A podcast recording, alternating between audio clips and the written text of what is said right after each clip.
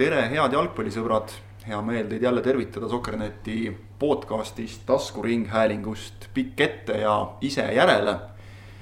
meie kaheksateistkümnes osa on äh, kohe teie ees, teie kõrvades ja seekord teeme saate sellises koosseisus, kuna meie peatoimetaja Kaspar Elissaar on siirdunud väljateenitud puhkusele.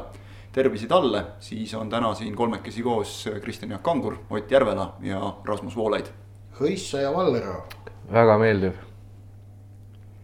tõesti väga meeldiv, aitäh Ott selle eest. Ott ei ole oma lauluminuteid meile pakkunud, kas on praegu selleks soov? ei selge, läheme jalgpalli. äkki saate käigus tekib mingisugune selline spontaanne hetk. lootus püsib, läheme jalgpalli juurde äh, sellisel juhul ja läheme loomulikult alguses. lootus, et mina laulan, on suurem kui see, et Nõmme Kalju meistrite liigas edasi saab selge, ma ei tea, kuskil saab panuseid äkki panna selle peale või, või -hmm. või jah. järgmisesse, saatesse, et, et loodetavasti mõni kihlveokontor korjab üles no võimaluse nii, aga läheme jalgpalli juurde, premium-liiga juurde, sellepärast et äh, viimane voor jälle selline, kus äh, toimus tohutult palju. peaaegu, peaaegu rõhutan, iga mäng oli põnev äh,. ega meil mujalt kuskilt alustada ei ole, kui äh, loomulikult Tallinna derbi, Levadia Flora äh,. Palju jutte pärast mängu, äh, oli tegelikult väga hea mäng aga ikkagi vähemalt tundub, et osade jaoks jääb justkui seda mängu domineerima algusest alustades Florale antud penalti seitsmeteistkümnendal minutil. tegelikult seitsmeteistkümnendal löödi natukene enne ainult. jah, ei see oli kahtlemata noh, kohtumise kontekstis tähtis otsus nagu, nagu penaltid ikka on, on ju. ja noh, selle osas, kas äh, see Kirill Nesterovi käega mäng oli karistusalas või mitte selle üle, noh, mul siiamaani olles seda kordust nüüd mingi, ma ei tea, paarkümmend korda vähemalt vaadanud, noh, selgus puudub. ma ei ole kindel, kas see selgus lõpuks kas on selle kaamera pildi põhjal, mis on olemas, on seal võimalik lõpuks eh, nagu mingi sajaprotsendiliselt kindlaks määrata, et oli see nii või naa? ma arvan, et selle pildi põhjal ei olegi, selle ja. kaamera nurga alt, mis on keskjoonet no,, ei ole võimalik seda öelda. No, teadus seal on teatud mingite siis... vektorite joonistamisega teoorias võib see juhtuda, aga no see selleks, et, et noh, on selliseid otsuseid jalgpallis nähtud varem ja nähakse edaspidi ja ja aga, aga noh, see, et Aleksandr Rogitši mängujärgne sõnavõtt kohtuniku aadressil nagu oleks kohtunik äh, esiteks kas väga halb või teiseks siis oleks meelega vilistanud äh, Flora kasuks.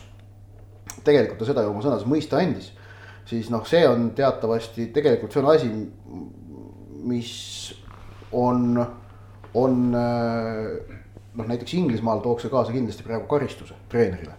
sellepärast, et äh, viitamine sellele, et kohtunik tegutses ebaausalt, on keelatud. sa võid öelda seda, et kohtunik eksis ja et kohtunik eksis rängalt ja oli, oli väga halb. aga mm, väit-, selle väitmine, et kohtunik tegutses ebaausalt, see on see, mida maailma jalgpallis tegelikult päris rangelt karistatakse. et huvitav on näha, kas Rogic nende ütluste eest satub või ei satu mingisuguse uurimise alla, see selleks ähm, ma ja, kindel, et satub ikka. ja, ja, ja lisaks siis noh, tuletame meelde, et Roomer Deraev oli kohtunik, kes on Levadiale sel hooajal kolm punkti täies mõttes kinkinud kui, sest tema välistas mängu Kuressaares, kus Levadia lõi värava penaltist, mida ei olnud ja jättis samas andmata Kuressaarele penalti, mis oli noh, padukindel, see oli see esimese ringi mäng, kus Levadia võitis Kuressaares üks-null. kus Kuressaarel jäi täiesti kindel penalti saamata ja Levadia sai penalti, mida ei olnud, millest löödi ka võiduvärav. nii et lihtsalt selline ääremärkus ka siia, aga minnes nüüd selle mängu juurde ja eh, ilma naljata võttes välja sealt selle penalti mida ei saa teha, nagu me teame no,, Aleksandr Rogitši sõnade kohaselt. okei okay,, aga, aga tulemuse kontekstis ei saa, aga meeskondade esituse kontekstis saab küll. sest noh, minu jaoks see, see mäng oli ikkagi äh, selgelt peaproov eurosarjadeks mõlema võistkonna jaoks. ning äh, selle põhjal otsustades on, on Flora seis ikkagi selgelt parem praegu kui Levadial sellepärast, et Levadia mängus esiteks kõige, kõige esi, kõige põhilisem asi, mis mul silma torkas, teravust polnud ei suudetud näiteks kiirusega duelle võita. olukordadesse noh, ei mindud sellise, kuidas öelda, põlemisega duellidesse ja ma ei pea silmas mingit sellist nagu noh, vägivaldsust, vaid just nimelt seda kirglikkust ja ja, ja oli noh, Ossipov välja jätta muidugi. ma just tahtsin küsida, et, et no, seal, seal oli põlemist küll. ja, ja noh, seal noh, see oli debiilne põlemine. aga, aga, aga ühesõnaga Levadia mängus minu meelest puudus teravus teiseks nad lubasid endale värava lüüa nurgalöögist. mis on enne Islandi mängu noh, suur probleem. kaotasid Juri Tratšuki, mis on ka suur probleem. samas Flora mäng, siis peatreener Jürgen Henni ja, ja ka Kostja Vassiljevi hinnangud pärast mängu. et, et nende mänguplaani, mänguplaan õnnestus realiseerida, oli minu meelest väga õige.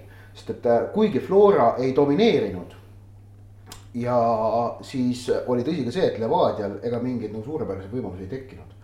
Flora suutis kaitses mängida kannatlikult ja kannatades. Ähm, Levadia valdas palli eelkõige tsoonides, kus nad ei olnud ohtlikud Flora jaoks. ja, ja noh, et Levadia, okei okay,, värav tuli, on ju noh, tegelikult olukorras, kus ohtu ei olnud, see oli Gert Kamsi lihtsalt selline üks eksimus kus ta mängis käega olukorras, kus seda polnud vaja, ta ei olnud surve all, noh, selline tehniline praak tuleb ette mängijatel Äh, loodetavasti on eurosarjas ei tule. Ähm, aga, aga muid selliseid sajaprotsendilisi võimalusi Levadial mängu jooksul ei olnudki tegelikult. oli esimesel poolel üks Kirill Nesterovi hea pealelöök kasti seest, mis läks küljevõrku ja teisel poolel oli ka veel Nikita Andreev sai ka korral äsamaa lõi ka küljevõrku, aga noh, kumbagi mingit sellist nagu ülikindlaks väravavõimalust kindlasti nimetada ei saa, need olid siis korralikud võimalused. ja, ja see oli kõik, et Flora selles mõttes see kaitseplokk toimis tõesti väga hästi.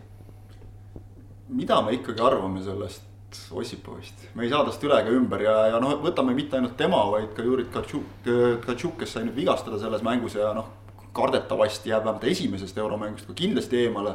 Nad, Tkatšuki mäletame eelmisest aastast, kui ta ütles, et, et umbes stiilis premium liiga ei ole minu mängustiili jaoks valmis. ta ütles seda selle hooaja alguses. jah, selle hooaja alguses oli see õige just, kommenteerides eelmist hooaega, et noh, minu meelest mulle tundub, et, et see, see stiil, et, et selleks ei peagi valmis olema, et, et see on, põlemine on hea, aga kui see läheb nagu pidevalt niimoodi üle võlli ja agressiivseks.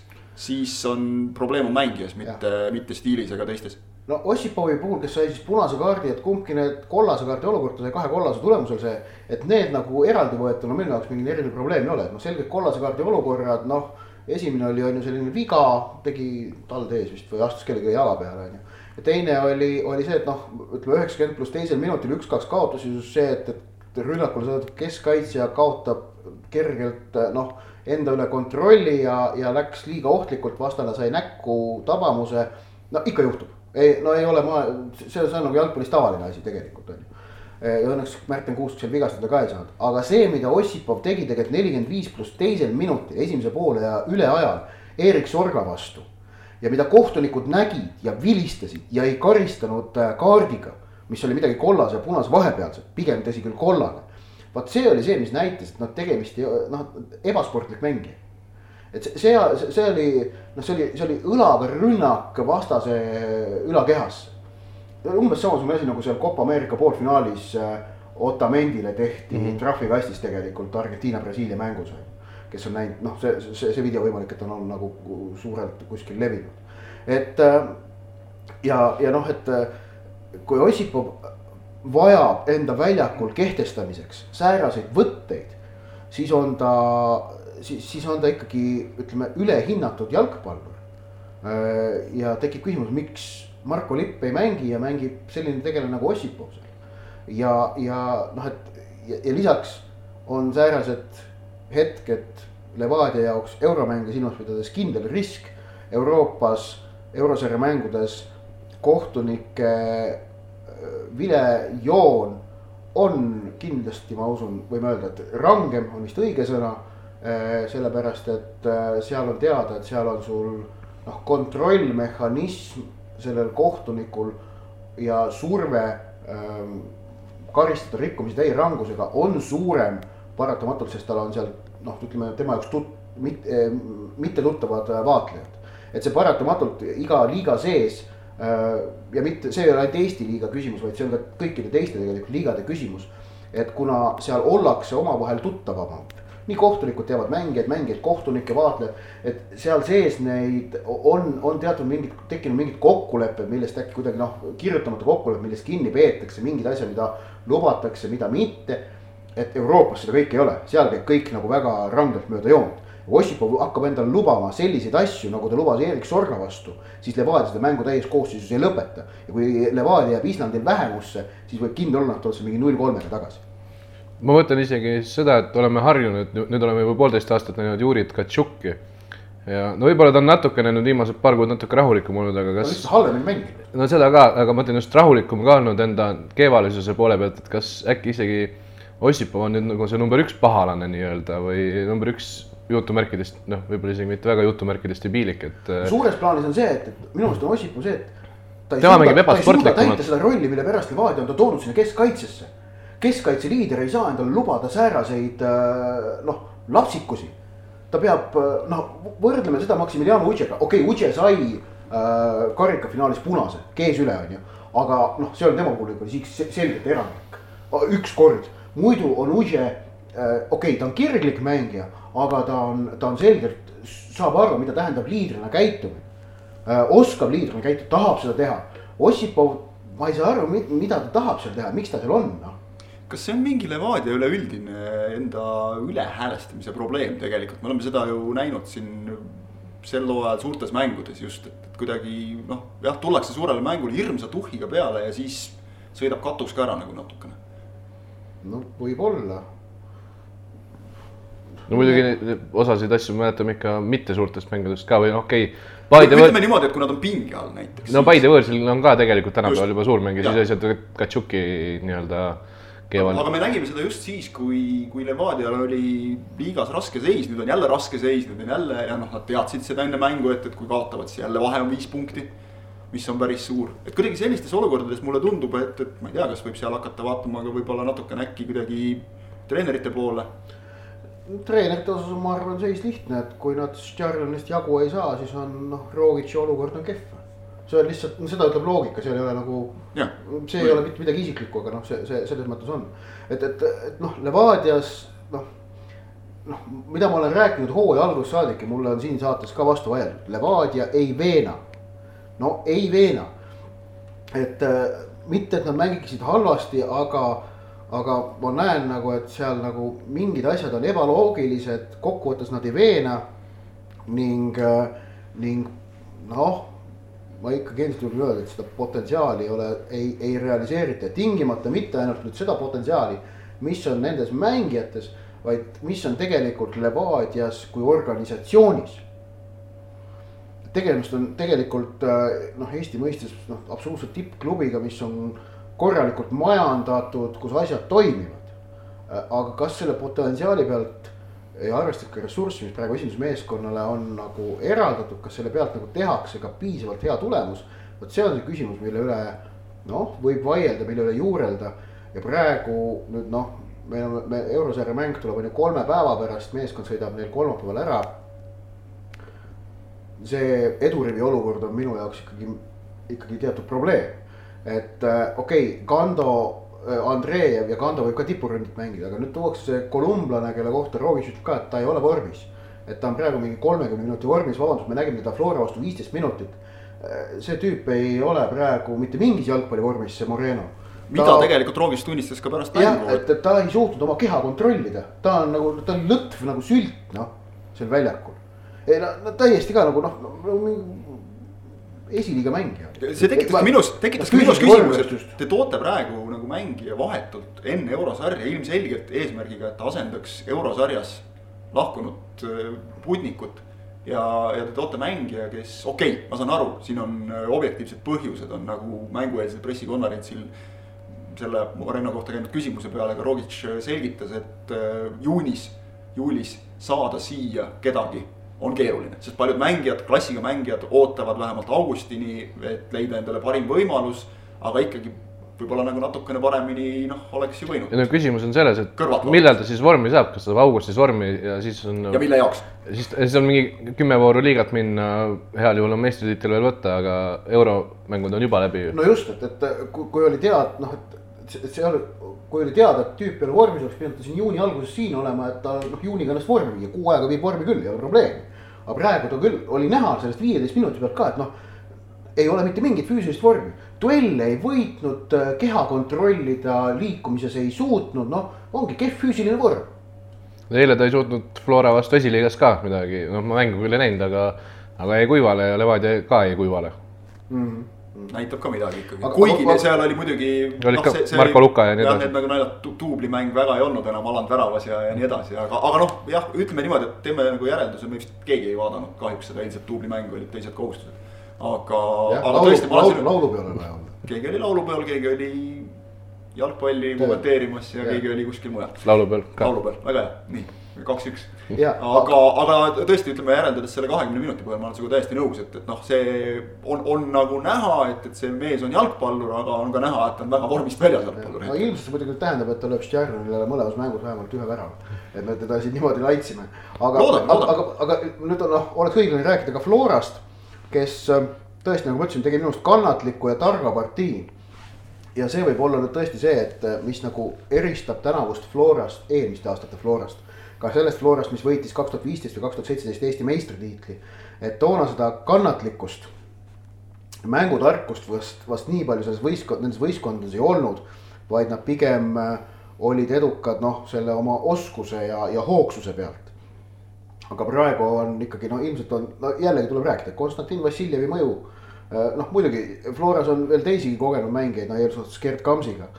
Aga, aga Vassiljev ka on, suudab seda, seda rünnaku nagu hoogu õigesti sättida ja, ja kui vaja, paneb juurde, kui vaja, tõmbab maha, rahustab. on autoriteediga eeskujuks ja maestro dirigeerib, võib no just, just, et, et, et see on nagu üks asi, mis, mida ma tahan välja tuua ja siis teiseks nagu konkreetsetest mängijatest rääkides. siis kui nägime hooajani esimesed kolm kuud oli Flora vastu rünnaku üks selline võtmeisik oli Lassi Sinjavski, kes on praegu langenud pingile. et mängivad hoopis Martin Miller ja Frank Liivak ääri, Herold Riiberg on, on ju vigastusest taastumas. ehk need Flora ääred, kellest me hooaja alguses väga palju rääkisime, mõlemad praegu taandunud on, nendes on tulnud Miller ja Liivak ja mäng ikkagi toimib et, et see on kahtlemata kompliment Florale. Frank Liivakut ma tahan nagu eraldi kiita selle laupäevase mängu eest, et äh, ma arvan, et ma pole näinud, ma pole Frank Liivakult vist Premium liigas nii head mängu näinud oma Nõus. silmaga. et ma, okei okay, ma ei ole kindlasti kaugeltki tema kõiki mänge näinud, aga mul ei tule ette ühtegi suurt mängu. see on siis noh, ütleme Levadia või Kalju vastu või, või ütleme Infonet, ei Infoneti vastu ta ei mänginudki. okei okay,, Levadia või Kalju vastu või siis ka Paide vastu. et äh, et kus Liivak oleks olnud nagu niivõrd hea. ta oli, ta oli tõesti hea, ma ei räägi ainult sellest, et ta lõi selle kaks-null värava, mis oli noh, pagana kõva ründaja värav. või et tema tsenderdusest tuli penalti, vaid tema üleüldine selline noh, ambitsioon, millega ta mängis, enesekindlus, millega ta mängis. äh, ja ka, ja, ja ka visioon, millega ta mängis, et need mulle väga meeldisid, et see on, see oli, seda oli väga vahva vaadata see räägib Liivaku sisu kohta ka nii mõndagi, kuna ütleme kaks kuud tagasi Frank Liivakust rääkides, ta oli praktiliselt maha kantud mängija, ta oli, ta oli mängija, kes oli kaotanud oma, oma kindla esiründaja koha Erik Sorgale, kes tuli pingi pealt ja hakkas lööma ja ta oli, no ta oli ikka tihti, kas noh, tuli, tuli lõpus jälle varumees ja tuli, sai mingeid loetud Jah, minutid aga- mis olid rohkem need, et teistele meestele anti puhkust. no ta, no ta oli reaalselt oli väga paljude jalgpallivaatlejate silmis oli nagu, võib vist vaikselt hakata nagu lõpetanuks lugema, aga, aga tuleb ja, ja teeb ja.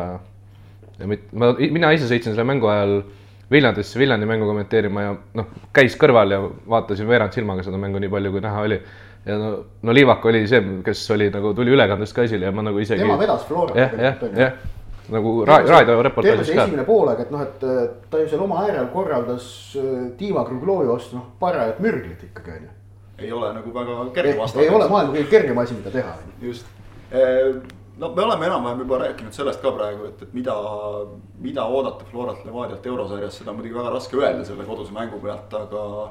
Aga noh, ütleme, et Flora seis on pigem positiivne, Levadial on küsimärke natuke liiga palju. samas on Levadial siiski ütleme noh, mängitavam vastane. just, ja Flora seis on positiivne olnud ka viimastel aastatel, kui nad on siin vahetult enne euromänge rootslasi ja norralasi ja kõiki lüpsnud, aga, aga siis tuleb euromäng ja ei no euromänguga lihtsalt häda on selles, et Nishi Radnitški on, on, on selgelt nagu tugevam võistkond kui Flora, et seal noh. Et, et kui Levadia ja Stjarnani puhul me võime rääkida, et noh, et äh, tohutut tasemevahet ei ole.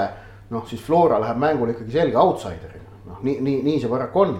ja noh, eks näis, kas seal õnnestub midagi korraldada või mitte, et noh, kodust oleks vaja, kodus on vaja võita esmalt, siis on nagu võime rääkida. siis tekivad edasipääsuks mingisugused võimalused.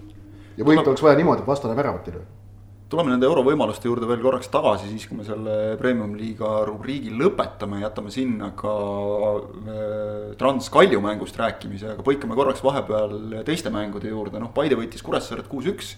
Äh, sellega on vist selle mängu kohta kõik öeldud, mida on vaja öelda, seal pole rohkem arutada. Äh, läks jälle täpselt samamoodi nagu eelmisel korral mängides. Kalev Maardu ma arvan, et, et selle vooru vist võib ikkagi öelda, et suurim üllatus, noh, mitte isegi võib-olla tulemus, aga, aga skoor nüüd kindlasti neli-üks ja. ja Jasper Uvaek-Ulami suur tagasitulek. ja, ja mitte ainult tema oma, vaid, vaid Maardu oma, aga mis muidugi sellest mängust tegelikult äh, silma torkas, mida teie ilmselt, eks ole, ei näinud. ma eeldan, te ei olnud need, kes kurtsid meile ka, et, et stream ei jookse, et olen siin laulupeol, aga ei saa telefonis mängu käima kuidagi oli selliseid muresid ka, et, et noh jube raske on otsustada, tahaks nüüd, ei jõua ära oodata järgmist mängu, kus Jasper mängib. sellepärast, et, et Kalevi kaitseliin oli ikka ausalt öeldes päris, päris, päris halb ja. noh, individuaalseid eksimusi seal lisaks nendele väravaolukordadele oli veel kuhjaga, see on muidugi vahva, et Maardu on nüüd endale mehe leidnud, kes väravaid lööb, kogu Maardu mäng. mängupildiliselt oli enesekindlam Äh, seal oli oma loogika täiesti. kindlasti on äh, abi väga palju Maardal ka Vladislav äh, Tšurilkinist, kes on muidugi omamoodi selles mõttes hämmastav mees, et iga paari aasta tagant käib, tuleb, mängib niimoodi pool hooaega küll Sillamäe eest, küll, küll Maardu eest meistriliigat, muul ajal mängib saali. aga, aga mängib nii, nagu ei oleks eemal olnudki kunagi. nii et, et võib-olla seal on, on noh, üks on see, et, et mees hoiab ennast saalis kogu aeg vormis teine on see, et, et tal on ikkagi korralik äh, Levadia kool all mm. -hmm. noorest peale, lapsest peale. kas, kas selle mängu tulemusel, kas Tallinna Kalev teeb mingeid lükkeid, et see on ka nüüd noh, ütleme, oleks selle mängu tulemus olnud teistpidine, siis oleks tõenäosus, et Kalev ei tee mingeid lükkeid märgatavalt suurem. ja vedas Kalevil, et nii-öelda see mäng, see suur mäng, mis nagu otsustas väga palju, tuli ära juulikuus täpselt. kus nüüd on kaks-kolm nädalat aega veel nagu mõelda. nupp, nuppe liigutada, natuke sättida, aga jah. aga jah, praeguse mängupildi pealt ma ütleks, et äh, noh, asetaks Maardu natukene ettepoole, et Maardule need uued äh, täiendused, kuigi noh, ei tulnud nii palju, kui tahtsid, ma rääkisin pärast mängu ka. ka Maardu peatreeneri Andrei Borissoviga ütles, et Erik Grigorjev ikkagi ei liitu. ehk et otsustas saali kasuks, kuigi oli ju juttu, et ka tema sarnaselt Tšurilkinile äh, noh, ootab, ootab ja siis tuleb ja, ja noh, pahasti on ka natukene Nikita Brõliniga, kes hooaja äh, alguses mängis, sai kohe vigastada ja on mingi selline trauma, mis noh, võib-olla ei lubagi tal sel hooajal enam naasta, nii et Maardu Pink oli ka eile jälle viie mehe pikkune täpselt, aga, aga seal on natukene selles meeskonnas okei okay,, noh. aga loodame, et vigastused ei tule jälle kollitama, aga seal on nagu natukene seda sügavust.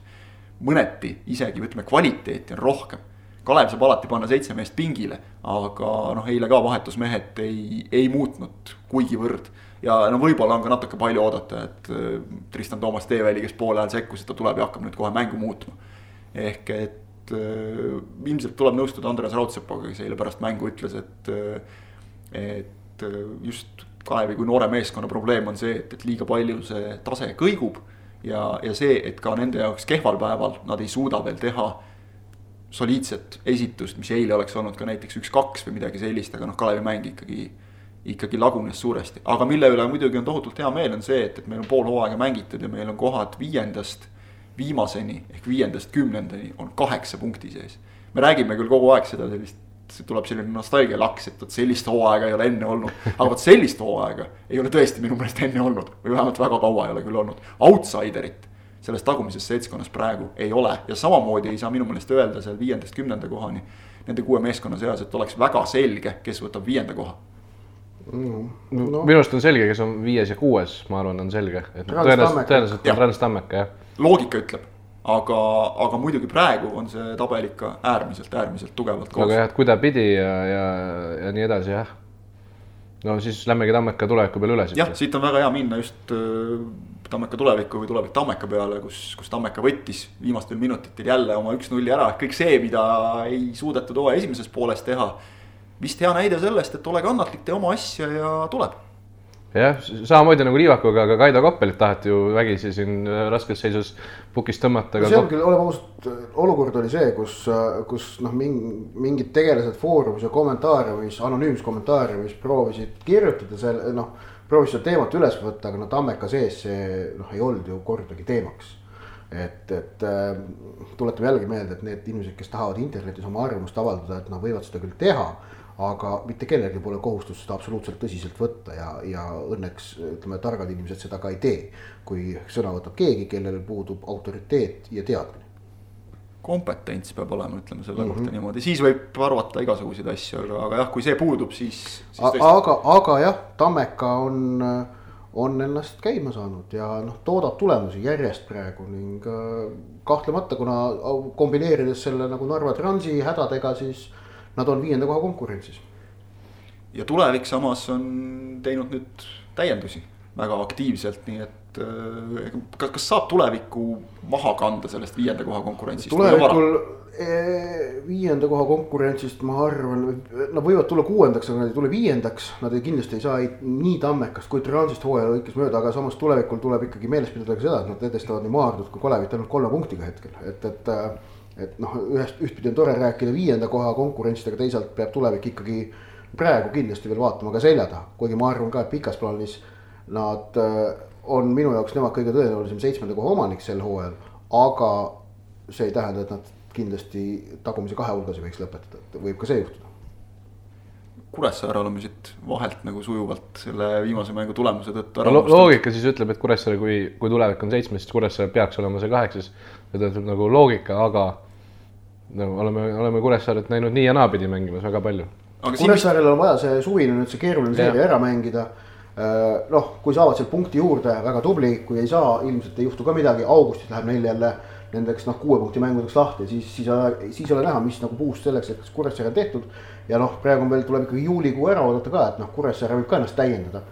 et ma mäletan, ma hooaja eel ma Jan Vožinskiga, vabandust, mitte Jan Vožinski, ma Priit Penuga ajasin juttu siis ta ütles telefonis, ta ütles ka, et meil oli siin mingi variant keegi välismaalane tuua, et mine tea, et äkki, äkki teeb ka Kuressaare mingi, mingi, mingi säärase lükke. no ütleme nii, et äh, jah, kõva häälega nendest asjadest võib-olla rääkida ei saa, aga jutud käivad, et, et tõesti jälle vaadatakse natukene ka, ka välismaa poole ja, ja vist on ametlikult juba täitsa välja öeldud, et minu meelest ütles Važinski, et Mario Stern tuleb äh, jälle, nii et noh, natukene jälle Jah. pikendavad, noh, see nüüd võib-olla nii tohutut mingit kvaliteedihüpet ei, ei anna aga, aga ütleme, et seda just sellist noh, võrdsust, pinki, sügavust, seda ju Kuressaarel jälle on, see on see, millega on tulevik olnud hädas. ja, ja mille tõttu nad tõenäoliselt endale ka välismängijaid otsisid just nimelt kaks-kolm vist oli see number, mida ütles mulle Važinski välja pärast viimast mängu, kui, kui Paides, Paides temaga, Paides temaga rääkisin. nii et Stern tõenäoliselt on üks, seda räägiti juba paar kuud tagasi vist, et tuleb sealt Austraaliast tagasi ja, ja liitub trennidega jälle ja rääkisime juba eelmises saates, et, et Kuressaare noh, nagu tabeli teise poole klubidel üks see võimalus on, vaatab äh, Tallinna suurte meeskondade poole ja nende meeste poole, kes siin mängida ei saa, et, et kui, kui tekib mingi laenuvõimalus äkki. Samamoodi muidugi tulevik ka ilmselt hoiab veel silmad lahti, kui, kui võimalusi tekib. aga jõuamegi nüüd ringiga tagasi selle Trans Kalju mängu juurde. noh, kui me rääkisime siin, et Levadia ei ole veenev siis ma selle omavahelise mängu pealt julgeks öelda, et, et seal ei olnud kumbki kuskilt otsast veenev. ehk mõlema see- meeskonna täpselt need probleemid, mis on neil läbi hooaja, noh, ütleme Kaljul läbi hooaja, Transil nüüd äh, siin pärast seda, seda karikavõitu, mis on ikka selline tõeline pürrase võit, et pärast seda ei ole mitte midagi tulnud, et mõned üksikud viigipunktid, need on ka sellised pigem pettumus, noh, okei okay,, Kalju vastu see arvestades, et tuldi kaotusseisust tagasi viigile ja, ja noh, ikkagi kodus Kaljuga viiki mängida on selline enam-vähem okei okay tulemus, aga, aga noh, Trans ei saa nende viikide peale lootma jääda, seal on võite ka vaikselt hakata vaja võtma, nii et. et, et ma noh, mul, mul tekivad nagu tõsised küsimärgid, mis, mismoodi need meeskonnad peaksid Euroopas hakkama saama, kui ma vaatasin seda mängu. üks ei taha ja teine ei oska või? noh seda, võib-olla isegi kumbki väga ei oska, äkki mm. on praegu, ma arvan, ei et tahtmise noh taga ei, ole. ütleme nagu osa, oskama peaksid nagu paberil vaadates mõlemad. No tahtma peaks veel rohkem. Kaljuga vist- tahtmine nagu ei tule kuidagi välja, et seal on nagu et kui Kalju puhul nüüd proovida midagi positiivset leida kogu sellest olukorrast, mis on noh, tundub olevat väga paha, siis on see, et, et nendes suurtes mängudes Flora ja Levadia vastu on nad sel hooajal reeglina suutnud ikkagi esineda oma tavapärasest nivoost paremini. kusjuures ma rõhutan, me räägime Kalju puhul kogu aeg, et kõik on jube halvasti, et tegelikult nad ei ole kaotanud, ma ei tea, mis ajast peale, nii et selles mõttes nagu nii hull ei ole, aga mängupilti vaadates No just, on asi nadi. jah, et, et selles mõttes noh, nii hull see asi äkki ei ole, eks homme siis Gendia vastu saame teada, et kas, kas on nii või kas on naa ähm,. aga, aga ega see noh, Transi mäng suurt midagi lootust ei sisendanud ning noh, Narva Transi puhul on selge, et ega nad selle äh, kui nad selle Po- Podgoric'i vastu mingi ime läbi ühe viigi saavad, et siis oleks juba, siis oleks nad oma tee Eesti jalgpalli teinud, sellepärast see annab natukene neid koefitsiendi punkte Eestile selles UEFA tabelis. aga midagi rohkemat sealt loota on ju keeruline, et noh, et Trans hävitas enda lootused Euroopas sel hooajal midagi teha Kalašnikovi vallandamisega. sellepärast, et sellega koos kadus kaitsemäng. Kõik need muud põhjused, kas nad olid või mitte, sellest võime rääkida, aga fakt on see, et pärast Kalašnikovi lahku, Kalašnikovi lahkumist pole Trans enam suutnud kaitset pidama saada. minu meelest nad ei ole teinud ühtegi, ühtegi nullimängu pärast seda. ning see on täiesti vältimatu eeldus Euroopas millegi saavutamiseks. ja see on see, mis on Transi läbi aegade Euroopas ka alt vedanud, et äh, taga äh, tule, tulevad sisse mingisugused noh, debiilsused ähm, noh, ilmselt kunagi oli seal Transi puhul need ka sihilikud debiilsused, noh et äh, aastate eest oli, oli seal ju kihlveopettustega probleemid, aga see selleks. aga, aga, aga jah, et pärast Kalašnikovis lahkumist Transi kaitse ei pea ja sellise kaitsega pole võimalik Euroopas midagi teha. Nad kaotavad, nad langevad välja, kõik selge. ja kahjuks kui isegi kui kaitse ei pea nagu siis ei tööta ka see valem, et lööge meile palju lööte, me lööme ise rohkem, sest neil ei pea rünnak, noh. Neil ei tule ju rünnak kaasa või neil rünnak, nad ei löö. seal on see, seal on, seal on see, see hea asi on, et noh, Transi rünnakust rääkides, Erik McWoodsi kiirus no vot see võib olla Euroopas mingi asi, millega midagi teeb, sellepärast et äh, jällegi, mis ma ennem ka rääkisin, et Euroopas on kohtunikud väga karmid. ja, ja seal, kui nüüd mingisugune see Podgoric'aga kaitsja korraks unustab ära, et McWoods on kiire, Eestis on kõik sellega juba ära harjunud. kui nende see töö ei pea paika ja teeb seal mingisuguse rumala vea, siis noh, ütleme, McWoods on mängija, kes võib vastasele punaseid kaarte teenida. Ähm, ja just selle vi viimase lootuse vea pealt ja niimoodi, et tema kiiruse pealt võib seal midagi tulla, et see on vaata euro, euro, eurosarjas on ju millegi saavutamiseks on sul vaja ikkagi noh, mingis elemendis reeglina olla väga hea, et noh, see. kui Transi puhul seda mingit elementi leida, siis noh, McWoodsi kiirus on see, mis võib nagu natukene eristuda. See paraku ka rünnakul, ma ütleks suhteliselt ainus. see on kahju jah, et see on nagu peamine asi, mille peale, et äkki ta tegi mõne punase. sööt McWoodsile ka minu arust päris hea selles. jah, mängisid väga ilusti seina omavahel, et noh, Sakarjuka on mees, kes nii-öelda teeb mängu. McWoodsi puhul muidugi iga kord, kui sa tema kiirust näed, siis sinna otsa väga sageli tuleb ka, torkab silma tema tehniline krobelisus, aga ma olen sinuga nõus. muidugi noh, me teame, Kalju keskkaitsjad ei ole nüüd maailma kõige kiiremad, ehk et noh, sealt ta astus mitu korda vahelt lihtsalt kahe kiire sammuga läbi aga, aga oli ka olukordi, kus tegelikult oli juba kaitsja nii-öelda ära joostud ja siis ta koperdas jälle ise kuskil palli otsa, et, et väga palju sõltub sellest, kuidas ta nüüd ise suudab ka neid olukordi realiseerida, ma usun ka, et, et talle neid tekib mm. -hmm. sest et arvestame seda, et noh, kindlasti Podgoric'a, okei okay,, esimene mäng nende jaoks võõrsil, noh, võib-olla ollakse natuke ettevaatlikumad, aga nad on selged soosikud, nad tahavad väravat lüüa, ehk sinna kaitseliini taha teoorias võiks jääda ruumi mm. -hmm ja Sakarjuka näol on ka olemas mees, kes noh, on, on võimeline neid sööte sinna jagama. ei no seal on veel mehi eesotsas, Joosep Saliste ja, ja Deniss Poljakovi ja teistega, kes, kes suudavad ka nüüd. aga jah, kõige suurem küsimärk kahtlemata kaitse, sest noh. kui, kui sul jah, seal peavad mängima, eks ole, ütleme tegelikult ikkagi abitreenerid ja, ja, ja põhikohaga ääreründajad nagu Škinjov siin eks ole, on olnud okei okay,, ta on juba universaaliks kujunenud viimasel ajal, aga, aga noh, keskkaitse ei ole tema koht ilmselgelt, et seal on probleem. üks ja... lootus on veel Transil, on Marko Merits. et noh, kes me teame, et oma, kes, kes võib oma heal päeval värava lukku keerata, on ju. et, et see kahtlemata annab ka Transile, ütleme, no ütleme, kui nüüd võrrelda tänavust Transi eelmistega, siis see annab mingisuguse eelise neile. ja Merits on tegelikult sel hooajal olnud Transis hea mm.. Kusjuures... tema rohmakaid mulle isiklikult ei meenu ainsatki. kusjuures, kui meie käisime eile laulupidu vaatamas ja sina käisid staadionil jalgpalli vaatamas, siis nägin sotsiaalmeediast, et Transil oli team building, kus nad käisid võrkpalli vist mängimas ja söömas ja. no selline klassikaline, et alguses väike. Instagramis, et Plotnikov oli kuskil kalal käinud jälle. Burdakov. no midagi oli vaja õhtul süüa ju. Burdakov tegi šašlõkki ja jah, ei no selles mõttes nagu väga vahva selline. äkki, äkki tuleb, äkki on veel midagi. vennastumise õhtu nagu, aga samas natuke tahaks jälle küsida, et nüüd siis alles et võib-olla oleks varem vaja olnud, aga hea, et see tehti ja ma noh, arvan, et, et ega see kahjuks sellised asjad kindlasti ei tule, aga see oli selline klassikaline, et, et kõigepealt väike, väike võrkpall, väike sport võite, ma ei tea, kas see nii Transi Instagrami story's on veel nähtaval, Viktor Plotnikov näitab, et väga head, head hüpped, hüpped servi. Võrkpalliplatsil nokkmüts tagurpidi peas, teksad jalas, nii et võib-olla oleme kaotanud hoopis talendi aga, aga igatahes noh, see jah, noh, Transil on sellist asja vaja, seal on vaja ennekõike see meeskond nagu üles leida kuidagi, et mingeid märke sellest minu meelest Kalju vastu oli mm.. et on olnud siin mänge, kus on nii, et sa vaatad, et lihtsalt üksteist meest jooksevad platsil ringi, noh, kõige eredam näide oli see Tammeka mäng. see noh, sellepärast löödigi neile viis tükki, et seal ei olnud meeskonda väljakul. aga, aga mingeid märke oli ja kasvõi see, et, et Kalju vastu tuldi kaotusseisust välja, see kindlasti oli positiivne, aga kui me nüüd läheme Kalju juurde, siis minu jaoks on Kalju puhul. võime juba minna ka sealt, sest see puudutab sama, sama asja et, et kui me läheme Kalju juurde, siis. Paide kuus-üks võitu mainisime või? mainisime ära faktina, jah, aitab küll. et, et Kalju puhul noh, kuidagi nagu ei, ei ole mitte midagi rünnakul mitu mängu järjest on juba olnud sellised, kus, kus isegi kahekümne minutiga umbes ei toimugi nagu õieti mitte midagi, ei tekitata õigeid olukordi ja ma, ma tõesti ei oska nüüd öelda kõrvalt vaadates, kas see nüüd jääb mängijate taseme taha, vaevalt. või jääb see tahtmise taha, selles ei taha nagu ka kuidagi niimoodi puusalt süüdistada mängijaid, aga midagi seal ei klapi jätkuvalt.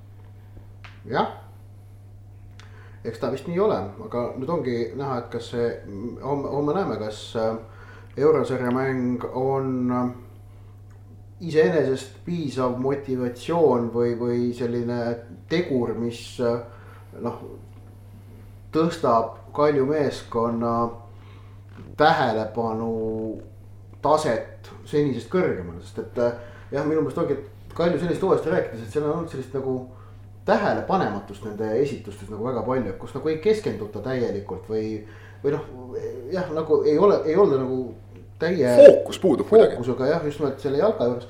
et noh, et idee poolest nagu meistrite liiga võiks seda teha, et nii läheb.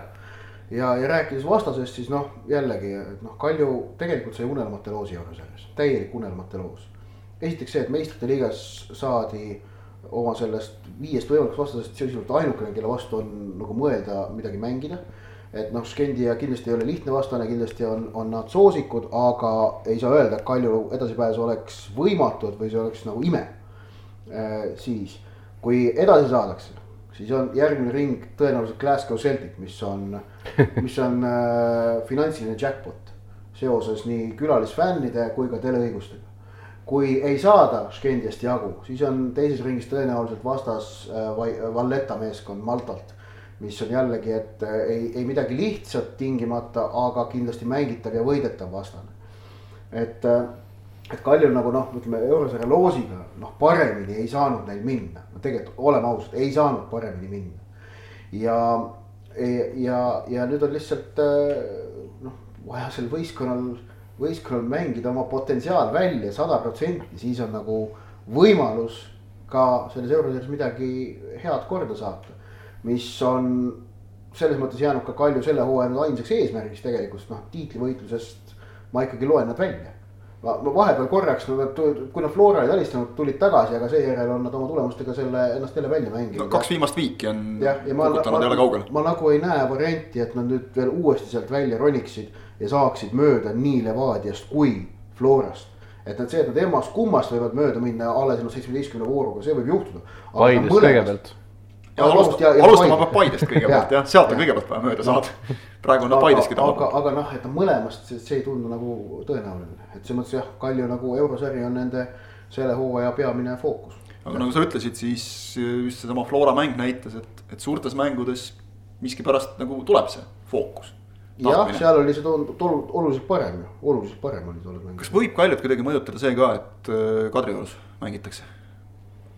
ma arvan, see ei mõjuta midagi jah, see on ju harjumuspärane mängijad seal iga aasta euromänge ja. ega seal Kalju, Kalju. endine kodustaadion. ei ole Kalju võistkonnas ju mängijad, kes nagu nüüd poleks Kadriorus varem mänginud või, või, või neid see kuidagi segaks või. Hector Nunes võib-olla on. juurde annaks noh no,. Hector Nunes. Hector Nunes jah, Hector Nunes, kui me siin hakkame reastama neid Ott teeb imelikke liigutusi.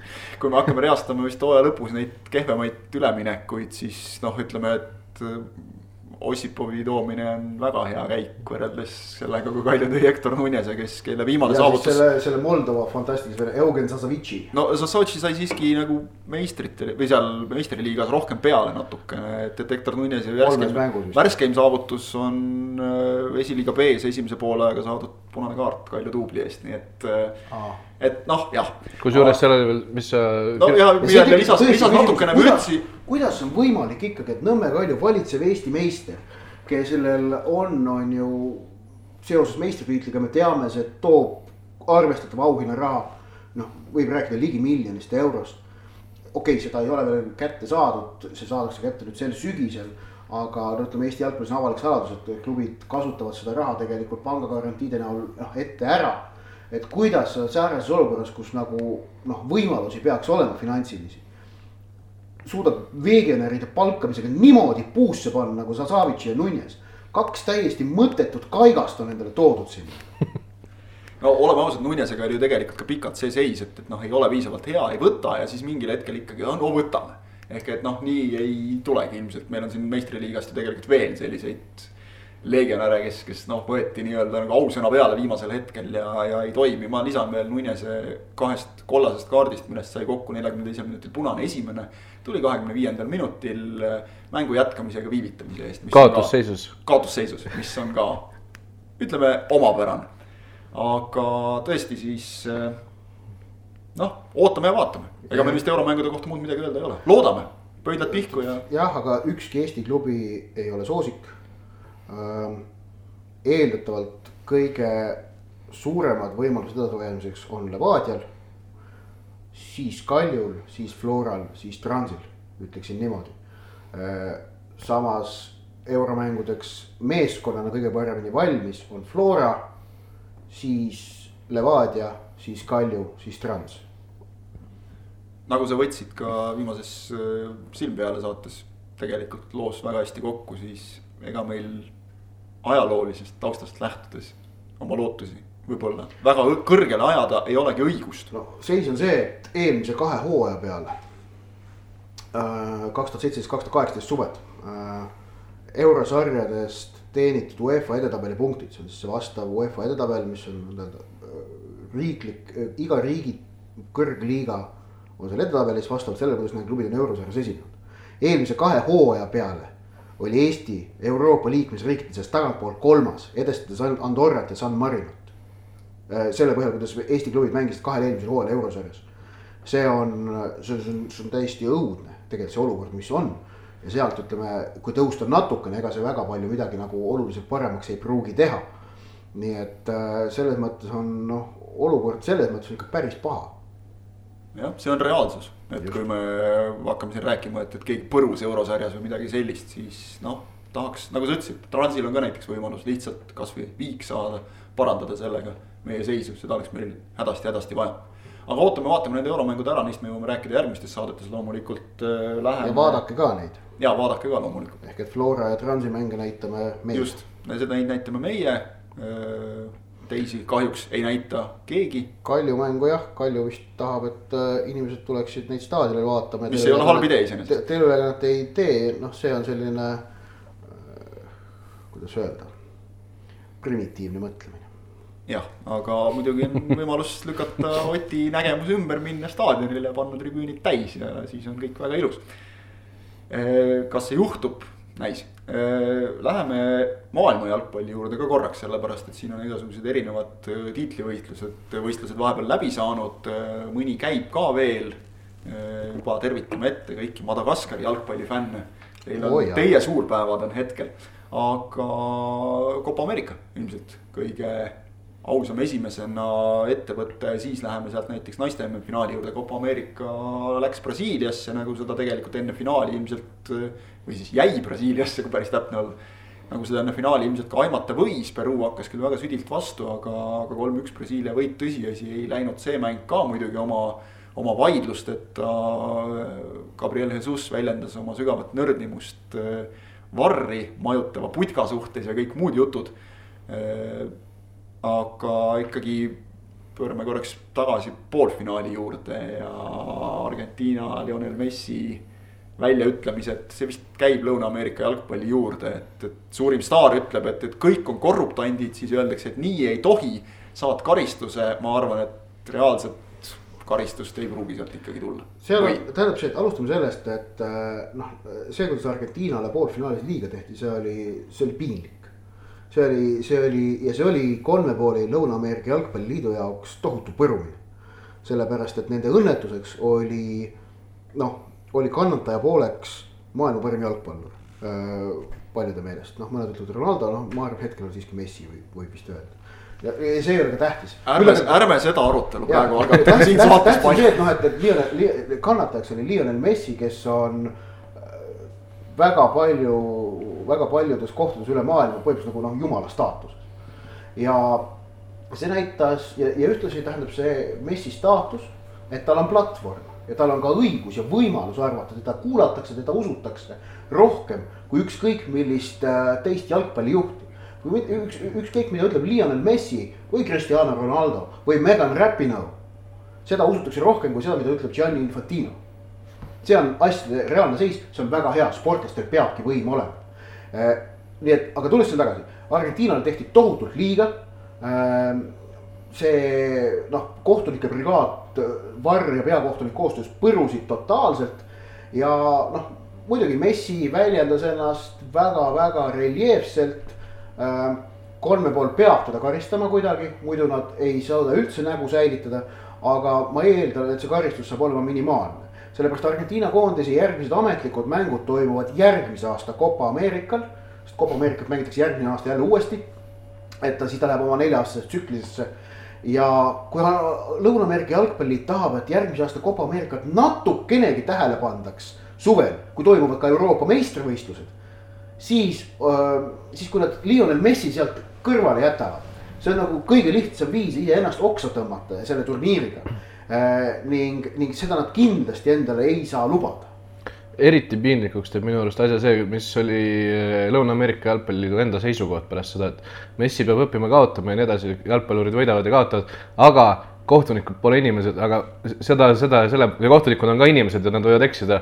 aga selle jaoks ju meil ongi videokohtunik, meil on varr ja seda ei kasutatud. ja see on just, justkui see, et nagu kolme pool nagu noh, ajas sellist nagu piinlikku kantseliiti tegelikult vastuseks. kui me ja siinkohal noh, ma tahan nüüd kiita Fifat ja UEFA-t, eriti UEFA-t, kes on terve läbi terve kevade meistrite liigas äh, varri otsused taga, päev hiljem olid selgitused olemas. kuidas tehti, mida tehti, miks tehti, on ju oli, oli, olid selged selgitused olemas, ehk et äh, noh, tehti need kohtuniku otsused selgeks. kolme pool praegu totaalselt vaikis selles osas, miks ikkagi Argentiinal jäid need penaltid saamata, mis olid noh, kuradi binokliga, äh, vabandust, kuule näha, noh.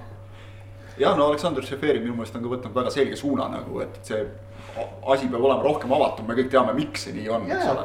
et see on, see on väga loogiline suund ja noh, sellest on ju tegelikult no, ammu, ammu räägitud. FIFA-s samamoodi, kus Colina annab ju iga suurturniiri ajal mitu pressikonverentsi ja võtab kõiki küsimusi ja vastab kõigele.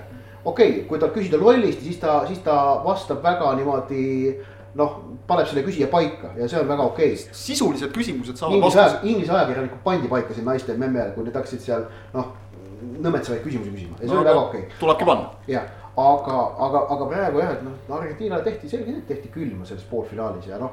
mitte, et kui nad penalti oleks tulnud, me ei tea, kas Argentiina oleks sealt edasi läinud või mitte, seda me ei tea. jah, Messi on penaltitel eksinud küll oma karjääri jooksul. ja, ja no Messil kindlasti kripeldab ka veel natukene see kolmanda koha mäng, kus, kus ta minema saadeti, et noh, see ütleme, see, see otsus oli ka selline nii ja naa. ah jah, aga no see kolmanda koha mäng, see oli noh ei no,, ei ma tean, et see on mõttetu üritus, aga, aga noh, ma arvan, kõik see kokku noh, sinna ta lisab veel väikese sellise aktsendi. jah, aga aga noh. aga, aga ühesõnaga saab alati ju kolme pool teha nüüd selle otsuse, et, et Messi ei tohi, ütleme järgmised kaks kuud koondise eest jalgpalli mängida, sõltumata sellest, kas koondisel mänge on või mitte, aga et noh, see. seal on võimalik oma nii-öelda nägu säilitada kuidagi. aga, aga see Varri teema üleüldse on tegelikult tõusnud nüüd, kui, kui minnagi edasi juba ka selle naiste MM-i juurde. mis noh, lõppes ju ka tegelikult ikkagi nagu oodatud tulemusega USA võiduga finaalis Hollandi üle siis, siis mulle tundub, et noh, need kaks viimast turniiri on nüüd selles mõttes nagu varrile jälle, Copa Ameerika ja naiste mm on nagu varrile jälle selles mõttes mäkra mänginud, et. et me nagu unustame ära, et ega see varr ka imeloom ei ole, vaid ikkagi otsuseid, noh, mis asi on ju tegelikult varr, see on ju tegelikult reaalne inimene, kes neid otsuseid vastu võtab. videopildi abiga või noh, aitab teistel kohtunikel vastu võtta neid, aga, aga kuidagi nagu see varriga menetlemine ja majandamine, see on olnud mõlemal turniiril noh, ikka allapoole kohati ikka igasugust arvestust, naiste MM-il on ka olnud, siin olid ju mingid mängud. neli-viis minutit vaadati ühtepidi, teistpidi, ühtepidi, teistpidi. sellega ma olen nõus, et see tõesti tapab jalgpalli. ja, aga naiste MM-il oli, miks Varr tõusis naiste MM-il niivõrd palju esile, seal on minu arust kaks põhjust laias laastus. üks on see, et äh, naiskohtunikud, kes naiste MM-il mänge vilistasid, pole Varri osas kaugeltki sedavõrd kompetentsed kui maailma tippmeeskohtunikud, kes tegid. kogenud sa mõtled? kes tegid Või... nii, nii kompetentsed kui ka kogenud, mõlemad. noh, sest kompetents tuleb selles vallas koos kogemusega. Äh, kui, kui seda maailma mees tippkohtunikud, kes vilistasid mullust MM-i ja vilistavad meistrite liiget. Äh, ja ühes osas on see, et nad ei oska varri niivõrd hästi kasutada ja teiseks äh, naiskohtunikel väljakul õnne, õnnestunud otsuste protsent on madalam. ja see on ka täiesti loogiline, sellepärast et äh, naiste tippmänge maailmas toimub niivõrd palju vähem. et naistippkohtunikud ei saa niivõrd palju ja sagedast praktikat, mis on vajalik vilumuse tõstmiseks. see on täiesti loogiline, see ei ole etteheide, vaid see on noh, loogiline tagajärg. ning teine põhjus, miks Varr naiste MM-il esile tõusis, on jällegi noh paratamatu. Äh, ja, ja see on puhtalt see, et naiste jalgpall erineb meeste jalgpallist. Äh, ja ta erineb, erineb ka põhjusel, et äh, kuna väljak on sama suur ja väravad on sama suured, aga naiste keskmine füüsiline võimekus meeste omast on selgelt väiksem, siis see muudab noh, mina ütleksin seda niimoodi, et see muud, kas kas see tõstab nüüd juhuslikkuse koefitsienti, aga ta muudab selle mängu teistsuguseks ja ja seal on selliseid ootamatuid asju juhtub rohkem, mis omakorda tekitab rohkem võimalusi varjel esile tõusta. et, et, et need olid nagu loogilised põhjused. nüüd siis naiste memmist nagu rääkides seal Inglismaa meedia võttis jälle väga suurelt ette selle, et, et noh, käega mäng ja. ma tänapäeval nägin ka, et kuidas Premier League'i see kohtunike boss Mike Riley on kuskil kinnitanud, ei, meie Premier League'is teeme varriga teistmoodi noh, see inglaste kiunumine kõikvõimalike asjade üle, see on juba üle, üle täieliku piiri läinud Nad äh, pangu suu kinni ja võtku õppust nende käest, kes on teinud asju targemini.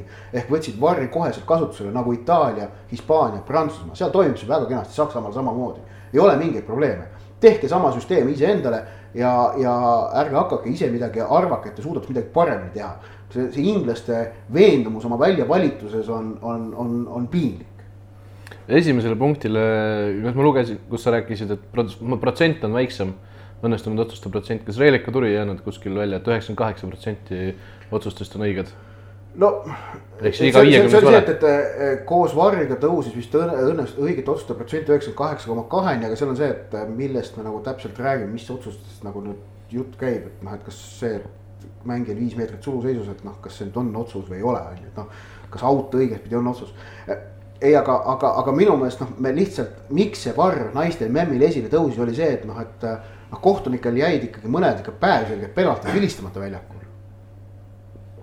ja teine asi oli see, miks nad seda, miks nad neid kordusi vaatasid niivõrd kaua, on põhjus, et nad ei ole selles vilunud. me näeme meistrit, meeste meistrite liigas, kuidas äh, Shakir läheb, vaatab kaks kaadrit ja tal on pilt selge ja ta teeb otsuse. aga siin noh, need kohtunikud soovisid vaadata kauem, sest neil ilmselt noh, mitte ilmselt, neil ei olegi olnud peaaegu mingit varasemat kokkupuudet, noh Bibiana Steinhaus on vist äh,, Bibiana Steinhaus, äkki tema vilistas MM-il vist ainult ühte mängu, no vilistab Bundesliga't, meeste Bundesliga't, temal on kindlasti varem kokkupuude. see prantslannast kohtunik Frappart, kes vilistas finaali, ma, ma, ma ei tea, kas ta on vilistanud liigi ühte ka või mitte. aga noh, temal on ilmselt. eeldada võiks, et on äkki on jah, et temal ilmselt on Varriga nagu olemas nagu koduliigas kokkupuude, aga tegelikult neid kohtunikke on noh, väga vähe. kas minu meelest tekib siin nagu see loogika ka lihtsalt, et mida kauem sa seda videopilti vahid, seda rohkem sa kõhklema hakkad niipidi, naapidi, okei okay,, noh, on mingeid olukordi muidugi, just selliseid piiripealseid olukordi. et, et on ju ka olnud tegelikult täitsa noh, mis minule isiklikult meeldib selline ettepanek, et võib-olla ei peaks kohtunikud üldse vaatama neid olukordi video pealt äh, aegluubis. vaid peaksid vaatama tavalise kiirusega.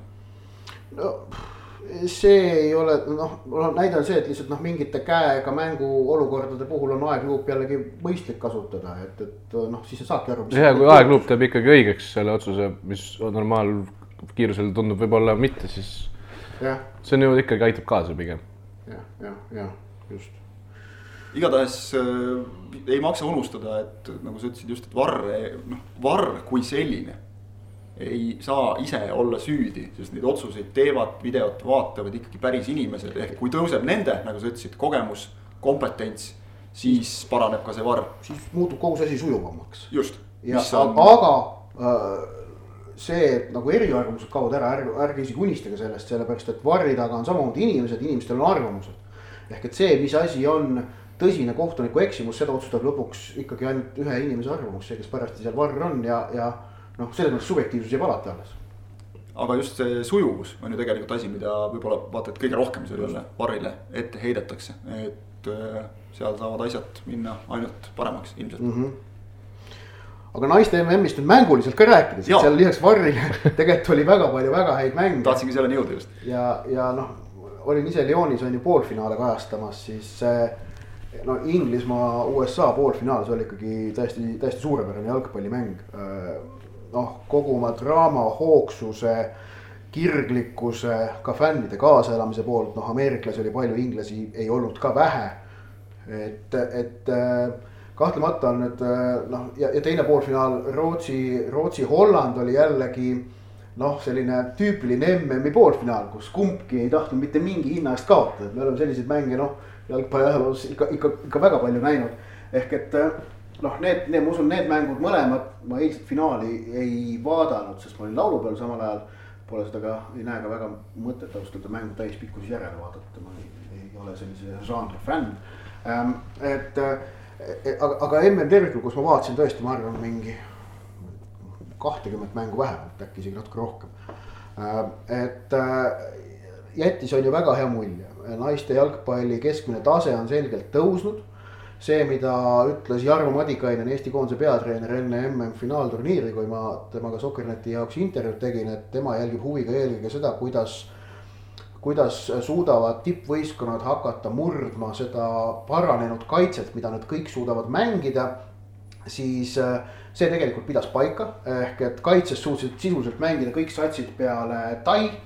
Äh, mis on noh, päris hea näitaja ja samas nägime, et noh, et rünnakul noh, suudeti ikkagi murda ka üht-teist jah.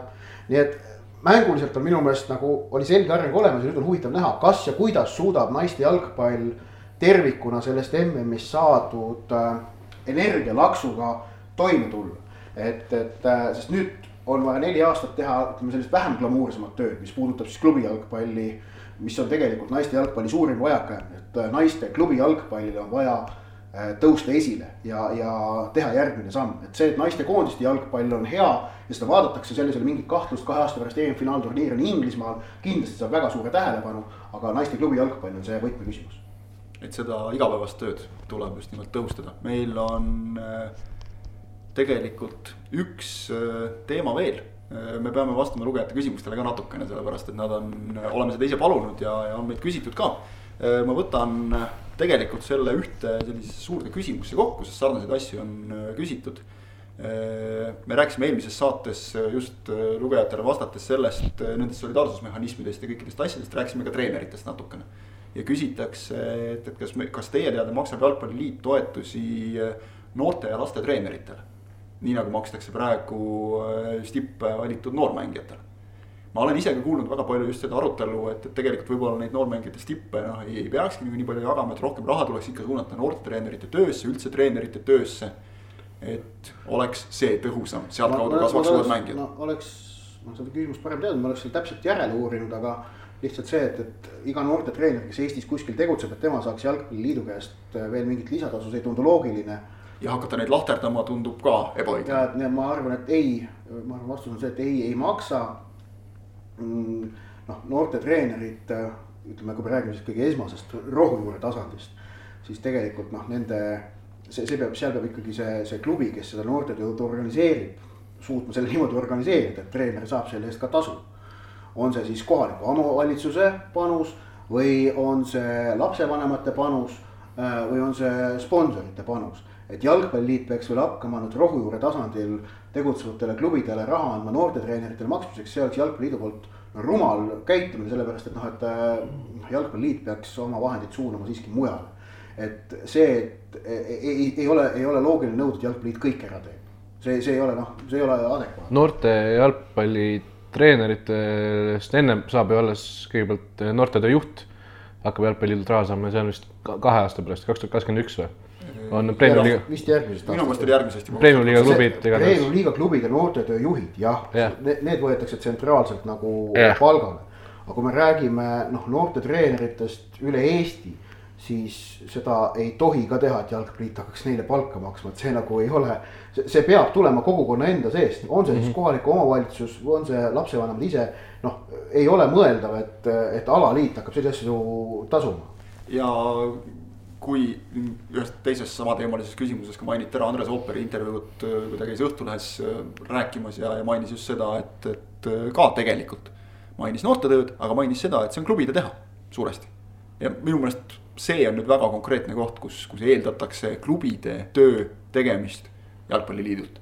ehk klubidel noh, on väga palju klubisid, kes, kes tõesti kuidagi veavad ots otsaga kokku ja ja, ja saavad sellega hakkama, on ka neid klubisid, kus see pool on võib-olla jäetud natukene unarusse ja on peeglisse vaatamise koht.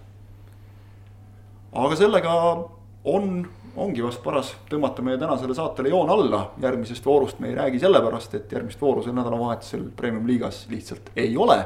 sellest räägime oma järgmises saates. selline oli meie kaheksateistkümnes episood äh, taskuhäälingust Pikk ette ja ise järele homme siis Kalju mäng, neljapäeval Transi ja Flora mängud kohapeal staadionil vaatamiseks, kohapeal vaatamiseks ja kui koha peale tulla ei saa, siis taga ka. Soker.net eest vaatamiseks. just. loomulikult saatke meile teemaviitega hashtag pikk ette neid küsimusi veel, püüame jõudumööda vastata. Twitterisse võite kirjutada uudise kommentaari, kui see saade üles läheb, nii et vaba valik täiesti, Facebookis võib meile ka kirjutada. kõike võib teha, püüame jõudumööda vastata ja oleme taas, taas teiega tagasi nädala aja pärast, siis järgmine osa, seniks. Aitäh Ott, aitäh Rasmus! Tšau, Paka ja nägemist